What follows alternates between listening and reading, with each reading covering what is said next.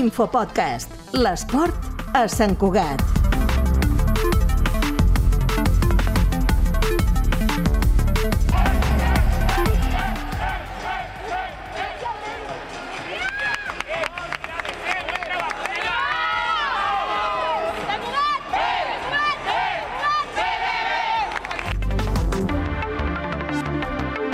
Aquesta és l'alegria de les jugadores i del cos tècnic del DSB Club Voleibol Sant Cugat després de guanyar aquest dissabte al Heidelberg per 3 sets a 1.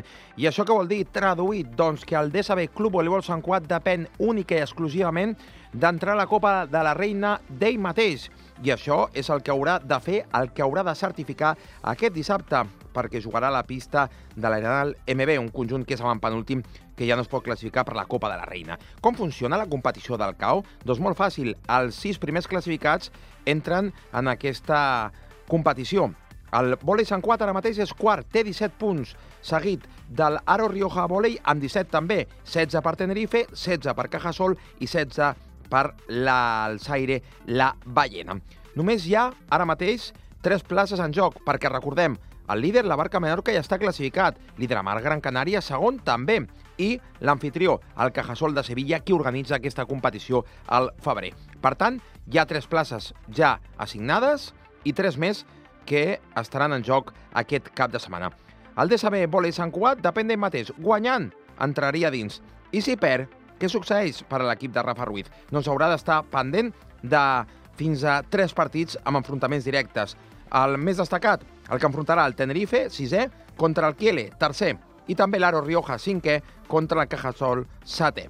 Més de lluny pot mirar l'enfrontament entre el Saire, vuitè, i la Barca Menorca, que és líder. Però insistim, una victòria li assegura l'accés a la Copa de la Reina i si perd ha de mirar de reull la resta de marcadors de la jornada. Rafa Ruiz, el técnico, molt clar. Lo principal es que dependemos de nosotras mismas y eso es lo más importante. Al final, si nosotros sumamos, ganamos, eh, estaremos dentro, que eso es lo importante, y a partir de ahí eh, seguir trabajando para, para conseguir esa clasificación para la Copa. Doncs això ho deia ben clar, ho deia ben clar el tècnic Rafa Ruiz, depenen d'elles eh, mateixes. El maig a pista gallega serà aquest dissabte a partir de les 5 de la tarda. El vòlei Sant Quat vol continuar fent història, participant per tercera vegada en aquesta competició del CAO. Una Infopodcast, una coproducció de la xarxa i de Ràdio Sant Cugat.